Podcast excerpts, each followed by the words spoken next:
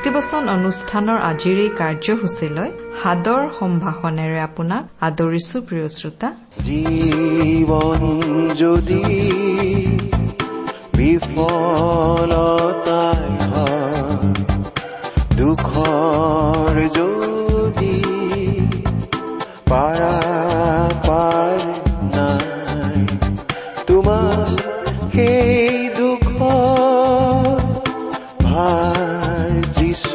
Yeah.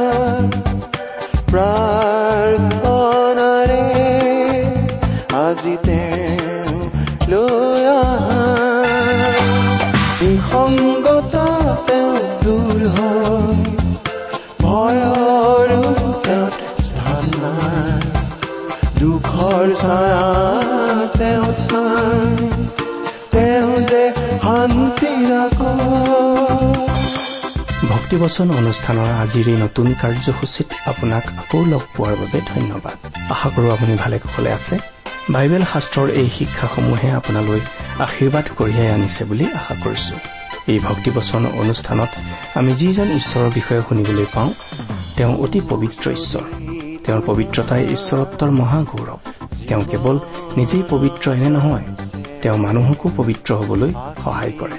প্ৰভু যীশুখ্ৰীষ্টৰ ক্ৰুচীয় বলিদানৰ যোগেৰে পাপী মানুহৰ পাপ ধুবলৈ তেওঁ ব্যৱস্থা কৰিলে যাতে সেই বলিদানত বিশ্বাস কৰি পাপমোচন হয় আৰু পাপৰ সাগৰত ডুব গৈ থকা মানুহ পৰিষ্কাৰ আৰু সুচী হয় পবিত্ৰ হয়।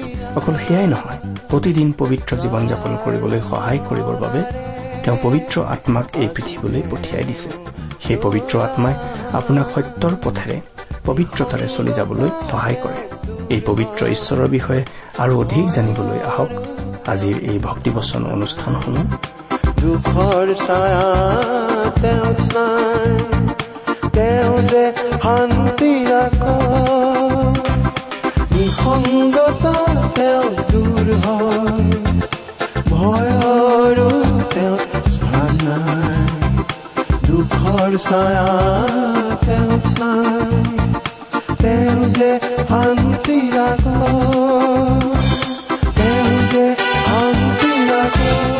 আমাৰ মহান ত্ৰাণকৰ্তা প্ৰভু যীশুখ্ৰীষ্টৰ নামত নমস্কাৰ প্ৰিয় শ্ৰোতা আশা কৰো আপুনি আমাৰ এই ভক্তিবচন অনুষ্ঠানটো নিয়মিতভাৱে শুনি আছে আপুনি বাৰু এই অনুষ্ঠান শুনি কেনে পাইছে এই অনুষ্ঠান সম্বন্ধে আপোনাৰ মতামত আদি জনাই আমালৈ চিঠি পত্ৰ লিখিবচোন আহকচোন আজিৰ বাইবেল অধ্যয়ন আৰম্ভ কৰাৰ আগতে আমি খন্তেক প্ৰাৰ্থনাত মূৰ্ণত কৰো হওক স্বৰ্গত থকা অসীম দয়ালু কৰোণাময় পিতা তোমাৰ মহান বাক্য বাইবেল শাস্ত্ৰ অধ্যয়ন কৰিবলৈ আমি আগবাঢ়িছো। তোমাৰ বাক্য আমি বুজাই দিয়াটো দূৰৰে কথা। আমি বুজিয়েই নাপাওঁ যদিহে তুমি আমাক বুজাই নিদিয়া। প্ৰাৰ্থনা কৰিছো তুমি আমাৰ মাজত উপস্থিত থাকি তোমাৰ বাক্য আমাক বুজাই দিয়া। আমাৰ প্ৰয়োজন অনুসাৰে তুমি আমাক স্পষ্টভাৱে কথা কোৱা। কিয়নো এই প্ৰাৰ্থনা মহান ত্ৰাণকৰ্তা মৃত্যুঞ্জয় প্ৰভু যীশুখ্ৰীষ্টৰ নামত আগবঢ়াইছো। আমেন।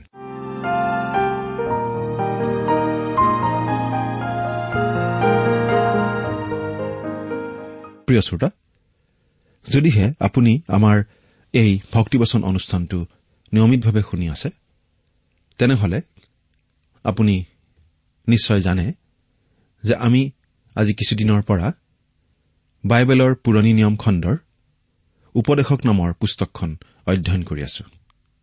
নহয় জানো? যোৱা অনুষ্ঠানত আমি এই উপদেশক পুস্তকখনৰ ন নম্বৰ অধ্যায়টো আলোচনা কৰিবলৈ লৈ আচলতে সেই অধ্যায়টোৰ আলোচনাৰ পূৰ্বে কিছু পাতনি কথাহে আলোচনা কৰিলো।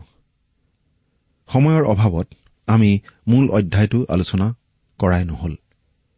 আজিৰ অনুষ্ঠানতহে আমি ন নম্বৰ অধ্যায়ৰ আলোচনা হাতত ল'ব খুজিছো। আমি ইতিমধ্যেই উল্লেখ কৰি আহিছো যে এই উপদেশক পুস্তকখনত ইছৰাইলৰ ৰজা চলোমনে তেওঁৰ জীৱনৰ অভিজ্ঞতাবিলাক বৰ্ণাইছে। তেওঁ নিজৰ আত্মাক সন্তুষ্ট কৰিবৰ কাৰণে এই সূৰ্যৰ তলত থকা সকলো ধৰণৰ পন্থা সকলো ধৰণৰ ব্যৱস্থা অৱলম্বন কৰি চাইছিল। ভোগ সম্ভোগত লিপ্ত হৈ তেওঁ চাইছিল। যিহেতু তেওঁ ৰজা আছিল। শাৰীৰিক ভোগ সম্ভোগৰ বাবে প্ৰয়োজনীয় যিকোনো বস্তু তেওঁ গোটাই ল'ব পাৰিছিল। সকলো উপভোগ কৰি তেওঁ চাইছিল। কিন্তু সেইবোৰে তেওঁক সন্তুষ্টি দিব পৰা নাছিল। তেওঁ ৰজা হিচাপে যথেষ্ট সা সম্পত্তি গোটাইছিল। যথেষ্ট ঐশ্বৰ্য বিভূতিৰ মালিক তেওঁ হৈছিল। আৰু সেইবোৰেও তেওঁৰ অন্তৰত প্ৰকৃত শান্তি দিব পৰা নাছিল। তেওঁ নৈতিকতাৰ জীৱন যাপন কৰিও চাইছিল যি ভাল সেইবোৰ পালন কৰিও চাইছিল। কিন্তু তেনেদৰে নৈতিকভাৱে জীৱন কটাবলৈ চেষ্টা কৰিও তেওঁ জানিছিল যে সেইবোৰে আচলতে অন্তৰত শান্তি দিব নোৱাৰে। ধৰ্ম ব্যৱস্থা পালন কৰিও তেওঁ চাইছিল। বিভিন্ন ধৰ্মীয় ৰীতি নীতি আদি পালনৰ যোগেদিও যে আচলতে শান্তি নাপায় সেই কথা তেওঁ পাকে প্ৰকাৰে বুজি পাইছিল। ইত্যাদি নানা ধৰণৰ জীৱন দৰ্শন নানা ধৰণৰ প্ৰণালী তেওঁ অৱলম্বন কৰিছিল। কিন্তু সকলোৰে শেষত তেওঁ এটা সিদ্ধান্তলৈ আহিছিল যে অসাৰ অসাৰ সকলো অসাৰ একো লাভ নাই সকলো শূন্য। এইবোৰ একোৱেই মানুহক সন্তুষ্ট কৰিব নোৱাৰে। আমি এই কথাটো উল্লেখ কৰিছিলো যে এই উপদেশক পুস্তকখনৰ কথাখিনি আচলতে খ্ৰীষ্টীয় বিশ্বাসৰ কথা নহয়।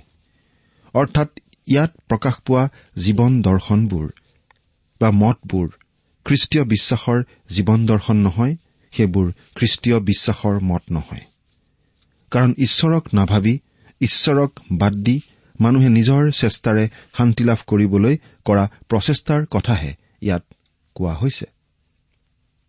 সেইবোৰে আমাক সন্তুষ্টি নিদিয়ে সুখ নিদিয়ে আমাৰ আত্মাৰ হাবিয়াস পূৰ্ণ নকৰে অন্তৰৰ ক্ষুধা দূৰ নকৰে। এই কথাটো বুজি নাপাই বহুতো লোকে বহুতো নাস্তিক লোকে এই পুস্তকখনৰ পৰা উদ্ধৃতি দিয়ে।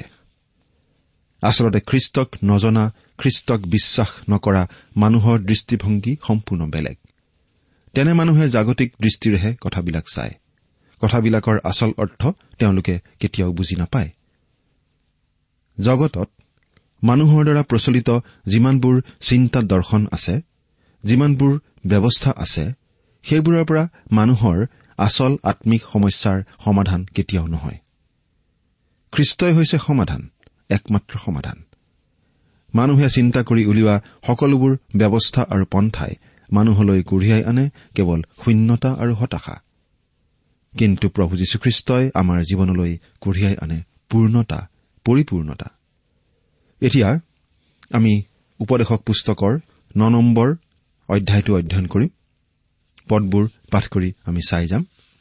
প্ৰথমতে আমি এক নম্বৰ পদটো পাঠ কৰি দিব খুজিছো। উপদেশক ন নম্বৰ অধ্যায় এক নম্বৰ পদ। কিয়নো মই এই সকলো বিষয় অনুসন্ধান কৰিবলৈ এই সকলো বিষয়লৈ মন দিলো যে ধাৰ্মিক আৰু জ্ঞানী লোকবিলাক আৰু তেওঁবিলাকৰ কৰ্ম ঈশ্বৰৰ হাতত আছে। প্ৰেমেই হয় নে ঘীনেই হয় তাক মানুহে নাজানে। সকলো তেওঁবিলাকৰ আগলৈ আছে। মানুহে পৃথিৱীত থকা দিনকেইটাৰ ভৱিষ্যত আৰু নিজৰ ল'ৰা ছোৱালী সাংসাৰিক ভৱিষ্যতৰ কথা মানুহে চিন্তা কৰে। কিন্তু তাতকৈ আৰু বেছি চিন্তা কৰিব নোৱাৰে। কাৰণ অনন্তকাল মানুহৰ অচিনাকি আৰু তাত কি হ'ব মানুহে একো নাজানে। সেইবুলি অনন্তকাল নোহোৱাও নহয় নিশ্চয় আছে। কিন্তু মানুহে সেই কথা চিন্তা নকৰে কাৰণ সেইবোৰ কথা স্বাভাৱিক মানুহে কেতিয়াও বুজি নাপায়। দুই নম্বৰ পদ। সকলোলৈকে সকলো একেদৰে ঘটে। ধাৰ্মিক কি দুষ্ট সৎলোক আৰু কি সূচী কি অসুচী আৰু বলিদান কৰোতা কি বলিদান নকৰোতা সকলোলৈকে একে ঘটনা ঘটে। সৎলোক যেনে পাপীও তেনে শপতকাৰী যেনে শপতলৈ ভয়কাৰীও তেনে। দেখাত মানুহৰ এনেকুৱা লাগে যে যিকোনো পথেৰে গলেও একো পাৰ্থক্য নাই। সকলোৰে ফল একে যেন লাগে। পৃথিৱীত থকা কালত মানুহে যি পথেৰে চলিলেও সকলোৰে শেষ গতি একে যেনেই লাগে। এইবুলি চলোমনে কৈছে। অৱশ্যে মানুহৰ শেষ গতি একেই। কিন্তু এয়া সূৰ্যৰ তলত থকা মানুহৰহে ধাৰণা। এয়া ঈশ্বৰৰ কথা নহয়। সাধাৰণ মানুহে যেতিয়া জগতখনলৈ চায় তেতিয়া এনে ধাৰণা লয়। কিন্তু ঈশ্বৰক জনাৰ পাছতহে মানুহৰ এই ধাৰণা সম্পূৰ্ণ সলনি হয়। তিনি নম্বৰ পদ পাঠ কৰি দিম শুনিবচোন। সূৰ্যৰ তলত কৰা সকলো কাৰ্যৰ ভিতৰত এইয়ে অতি দুখৰ বিষয় যে সকলোলৈকে সমান ঘটনা ঘটে। এনেকি মনুষ্য সন্তানবিলাকৰ মন দুষ্টতাৰে পূৰ আৰু জীয়াই থাকে মানে সিহঁতৰ হৃদয়ৰ মাজত পাগলামি থাকে পাছে মৃতবিলাকৰ ওচৰলৈ যাব লগা হয়? ইয়াত এই বুলি কোৱা হৈছে যে মানুহেনো কিয় কাম কৰিব লাগে? কিয় কষ্ট কৰিব লাগে? জীৱনটো এটা ডাঙৰ লটাৰীৰ নিচিনা। মানুহৰ জীৱনটো পৰিস্থিতিৰ দাস। ইয়াত কোৱা হৈছে যে মৃত্যুৱে যদি মানুহৰ শেষ গতি তেন্তে দুদিনীয়া জীৱনত ইমান কষ্ট কিয় কৰিব লাগে? এই বুলি আজিকালিৰ মানুহেও কয়। এইটো আমি মানুহবিলাকৰহে ধাৰণা ঈশ্বৰৰ নহয়। ইয়াক লৈ বহুত বিখ্যাত দাৰ্শনিকে বহুত কথা কৈছে যদিও তাত নতুন একো নাই। কাৰণ চলোমনে বহু আগতেই এই অনুসন্ধান কৰি পাইছিল। কিয়নো সকলো জীৱিত লোকৰ মাজত প্ৰত্যাশা আছে কাৰণ মৰা সিংহতকৈ জীয়া কুকুৰেই ভাল। এই কথাটো যদি আমি মানি চলো তেনেহলে আমাৰ জীৱনৰ দৰ্শনটো এনেকুৱা হ'ব। Eat drink and be merry tomorrow you die. অৰ্থাৎ খোৱা পিয়া মৌজ কৰা। কিয়নো অহাকালিলৈ তুমি মৰিবা। যদি সেইটোৱেই হয় তেনেহলে আপুনি জ্ঞানী নে মূৰ্খ সেইটোৰ পৰা একো পাৰ্থক্য নাই।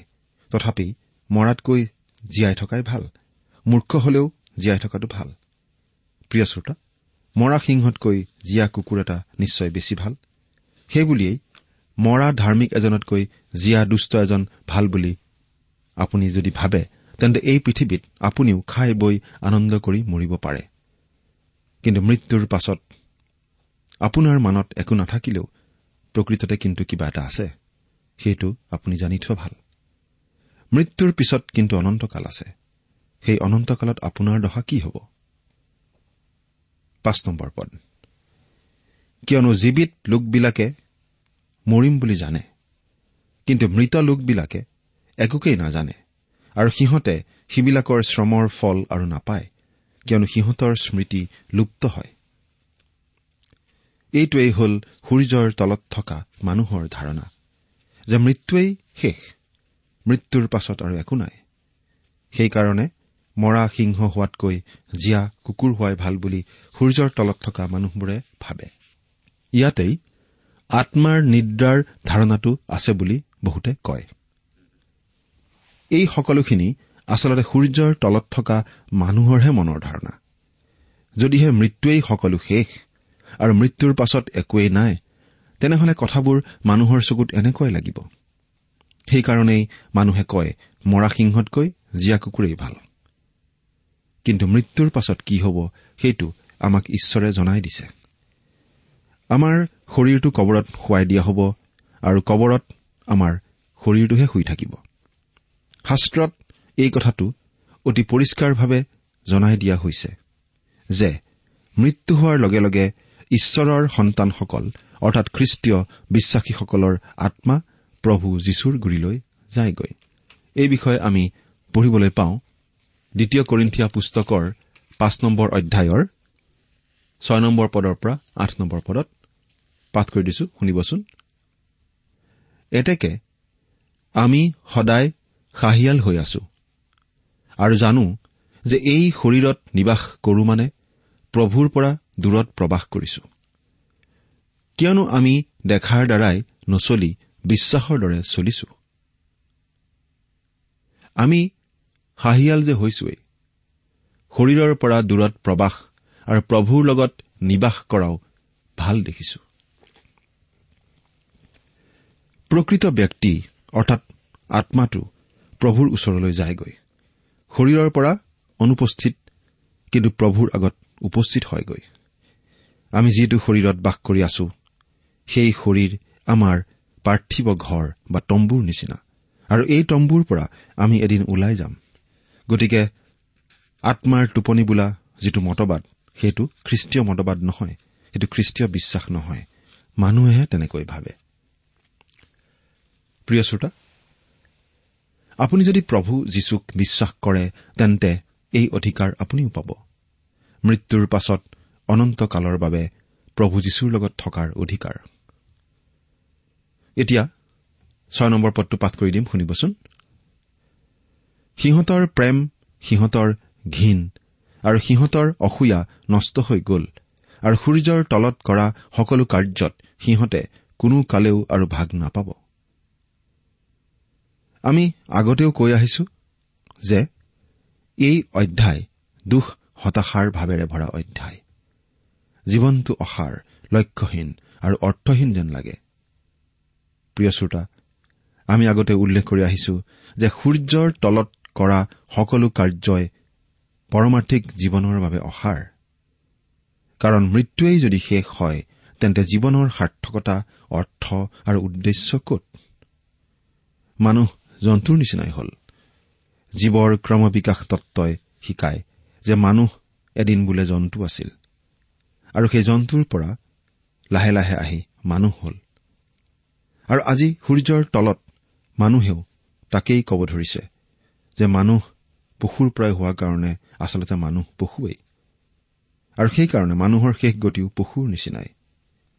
মানুহ পশুৰ নিচিনাকৈ মৰিব তাতেই সকলো শেষ। কিন্তু আমি জানো মানুহক ঈশ্বৰে বেলেগ হিচাপে সৃষ্টি কৰিছিল। কোনো জন্তুৰ পৰা ক্ৰমবিকাশ হৈ মানুহ হোৱা নাই। প্ৰভু যীশুত বিশ্বাস কৰা লোকসকলে জানে যে তেওঁলোকক ঈশ্বৰেহে সৃষ্টি কৰিছে। গতিকে এদিন আমি ঈশ্বৰলৈ যামগৈ। সাত নম্বৰ পদ।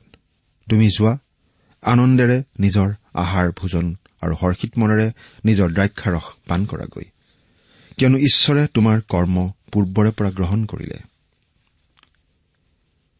কেৱল এই বৰ্তমান কালৰ কথাই জনা মৃত্যুৰ পাছত একো নাই বুলি ভবা জাগতিক মানুহৰ কাৰণে এই জগতখনেই সকলো।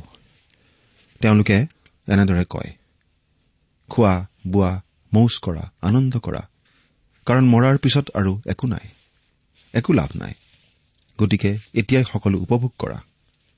কিন্তু এনেকুৱা জীৱন নিশ্চয় অতি আমনিদায়ক জীৱন হ'ব। কল্পনা কৰি চাওকচোন। এতিয়া আঠ আৰু ন নম্বৰ পদ দুটা পাঠ কৰি দিছো। তোমাৰ বস্ত্ৰ সৰ্বদাই শুক্লবৰ্ণ হওক আৰু তোমাৰ মূৰত তেলৰ অভাৱ নহওক। সূৰ্যৰ তলত ঈশ্বৰে তোমাক অসাৰ আয়ুস যিমান দিন দিয়ে তোমাৰ সেই সকলো অসাৰ দিনত তুমি নিজ প্ৰিয়া ভাৰ্যাৰ লগত আনন্দ কৰা। কিয়নো জীৱনৰ কালত আৰু তুমি সূৰ্যৰ তলত যি পৰিশ্ৰম কৰা সেই পৰিশ্ৰমত এয়েই তোমাৰ পাব লগা ভাগ। মানুহে ভাল সাজ পোছাক পিন্ধি নিজক সুখী যেন দেখুৱায়। বিবাহ পাশত আবদ্ধও হয়। আৰু সূৰ্যৰ তলত এই পৃথিৱীত বিবাহিত জীৱনৰ এক অপূৰ্ব আনন্দও আছে। আনন্দ আছে সঁচা। কিন্তু খ্ৰীষ্টক নজনা খ্ৰীষ্টক বিশ্বাস নকৰা দম্পতীসকলৰ জীৱনত আছে শূন্যতা। এদিন নহয় এদিন সেই কথা তেওঁলোকে উপলব্ধি কৰে। কিন্তু বাধ্য হৈ তেওঁলোকে বিবাহিত জীৱন কটাই থাকে। এই বিবাহিত জীৱনৰ অলপ যদি আনন্দ আছেও এই আনন্দ জীয়াই থকা কালতহে। এই আনন্দৰ পৰা আচলতে একো লাভ নাই। মৃত্যুৰ পাছত এই আনন্দ আৰু নাই। সেইকাৰণে এই বিষয়ত মানুহে বেছি গুৰুত্ব দিয়ে যদিও আচলতে ইও অসাৰ এইবোৰেও মানুহক মৃত্যুৰ পাছত হ'বলগীয়া জীৱনৰ বাবে একো আশা দিব নোৱাৰে। কোনোধৰণে মানুহক সহায় কৰিব নোৱাৰে কোনোধৰণে প্ৰস্তুত কৰিব নোৱাৰে। এতিয়া দহ নম্বৰ পদটো পাঠ কৰি দিম। ইয়াত এনেদৰে লিখা আছে যি যি কাৰ্য তোমাৰ হাতত পৰে তাক যত্নেৰে কৰিবা। কিয়নো তুমি যি ঠাইলৈ যাব লাগিছা সেই চিউলত কোনো কাৰ্য কি কল্পনা কি বিদ্যা কি জ্ঞান একোৱেই নাই। এৰা প্ৰিয় শ্ৰোতা মৃত্যুৰ পাছত যি চিউললৈ যাব লাগিব তাত কোনো কাৰ্য কোনো কল্পনা কোনো বিদ্যা জ্ঞান একোৱেই নাই বুলি ইয়াত জনোৱা হৈছে। এই কথা নিশ্চয় সঁচা যে মৃত্যুৰ পাছত হাতে কোনো হাতুৰি ধৰিব নোৱাৰে। আৰু মগজুৱেও কোনো চিন্তা কৰিব নোৱাৰে।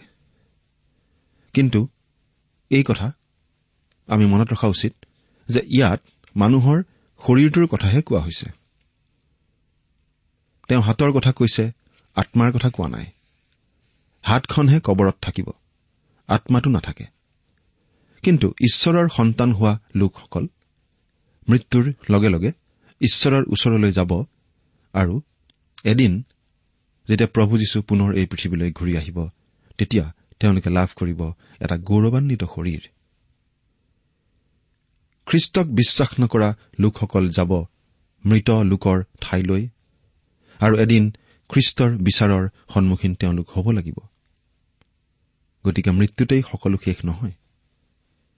এঘাৰ নম্বৰ পদ।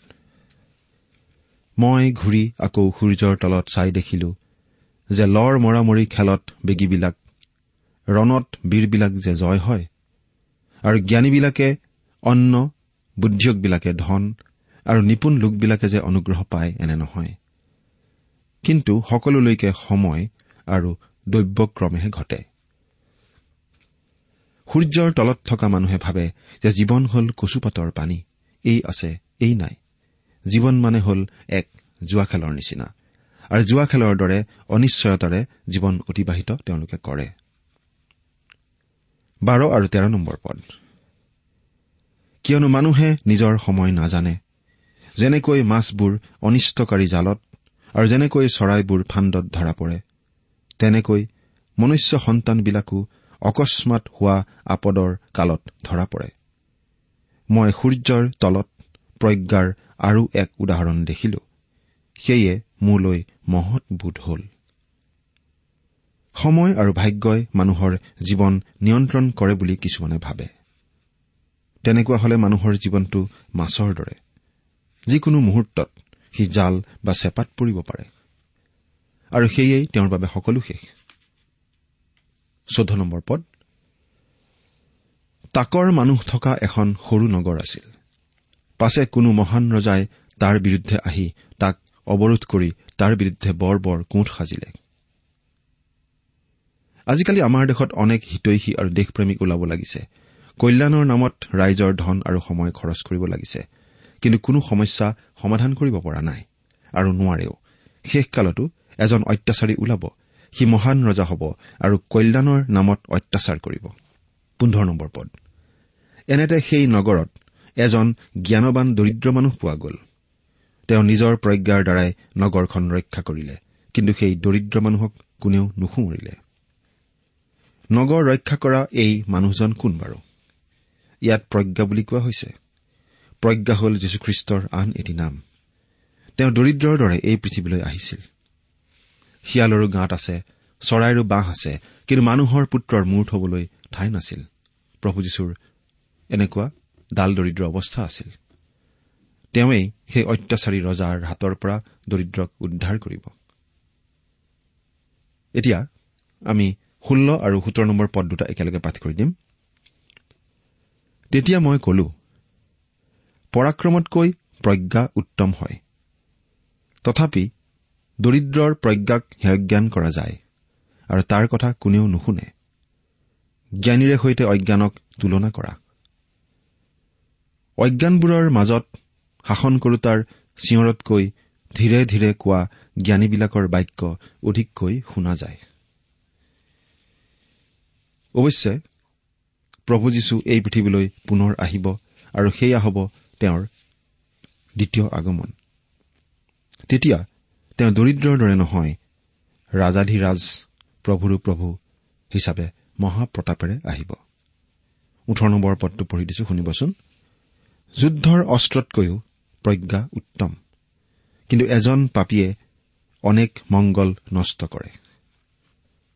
প্ৰিয় শ্ৰোতা এই কথাটিৰে এই অধ্যায়টো শেষ কৰা হৈছে। আৰু কথাটো হৈছে যে বিভিন্ন অস্ত্ৰ শস্ত্ৰতকৈ প্ৰজ্ঞা বা জ্ঞান উত্তম আৰু শক্তিশালী। এটম বোমাতকৈ খ্ৰীষ্ট বেছি শক্তিশালী। প্ৰকাণ্ড জাহাজ এখন সাগৰৰ মাজেদি কেনেকৈ যে চলাই লৈ যায় দিক নিৰ্ণয় বাৰু কেনেকৈ কৰে? এয়া মানুহৰ জ্ঞানৰ শক্তি নহয়নে বাৰু? উৰাজাহাজ এখনৰ কথাই ভাবকচোন। জ্ঞান অস্ত্ৰতকৈ অধিক শক্তিশালী।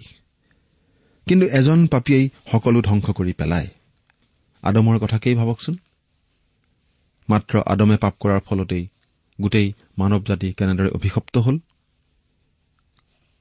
আমিও সমাজত কিবা নহয় কিবা এটা প্ৰভাৱ পেলাই আছো। হয়তো আমি কিবা ভাল প্ৰভাৱ পেলাইছো নহলে আমি কিবা বেয়া প্ৰভাৱ পেলাইছো। বাইবেলত আমি এনেদৰে পাওঁ ৰুমিয়া চৈধ্য নম্বৰ অধ্যায়ৰ সাত নম্বৰ পদ। কিয়নো আমাৰ কোনেও নিজৰ নিমিত্তে নিজিয়ে আৰু কোনেও নিজৰ নিমিত্তে নমৰেও। আচলতে প্ৰত্যেকজন মানুহেই একো একোজন প্ৰচাৰক। তেওঁলোকৰ জীৱনৰ জৰিয়তে তেওঁলোকে কিবা নহয় কিবা এটা ঘোষণা কৰি আছে। প্ৰিয় শ্ৰোতা আপুনি বাৰু আপোনাৰ জীৱনৰ যোগেৰে কি ঘোষণা কৰি আছে? আপোনাৰ জীৱনৰ যোগেৰে আপুনি বাৰু কেনেকুৱা প্ৰভাৱ সমাজত পেলাই আছে? প্ৰভু যীশুত বিশ্বাস কৰা লোক হিচাপে আপুনি এইখন সমাজত ভাল প্ৰভাৱ পেলাই যাব পাৰে আৰু আপোনাৰ জীৱনৰ যোগেদি প্ৰভু যীশুৰ প্ৰেমৰ বাণী ঘোষণা কৰি যাব পাৰে। সেই কাম বাৰু আপুনি কৰি আছেনে? চিন্তা কৰি চাওকচোন। ঈশ্বৰে আপোনাক আশীৰ্বাদ কৰক। প্ৰভু আজীৱন তোমাকে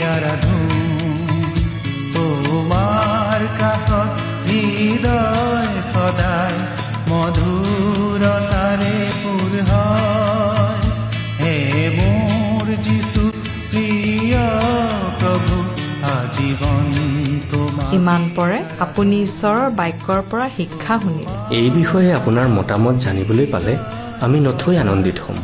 আমি প্ৰস্তুত কৰা বাইবেল অধ্যয়নৰ চিডিসমূহ পাব বিচাৰিলে আৰু অনুষ্ঠানত প্ৰচাৰ কৰা কোনো কথা বুজিব লগা থাকিলেও আমালৈ লিখক আমাৰ যোগাযোগৰ ঠিকনা ভক্তিবচন ট্ৰান্সপল ৰেডিঅ' ইণ্ডিয়া ডাক বাকচ নম্বৰ সাত শূন্য গুৱাহাটী সাত আঠ এক শূন্য শূন্য এক। ঠিকনাটো আকৌ এবাৰ কৈছো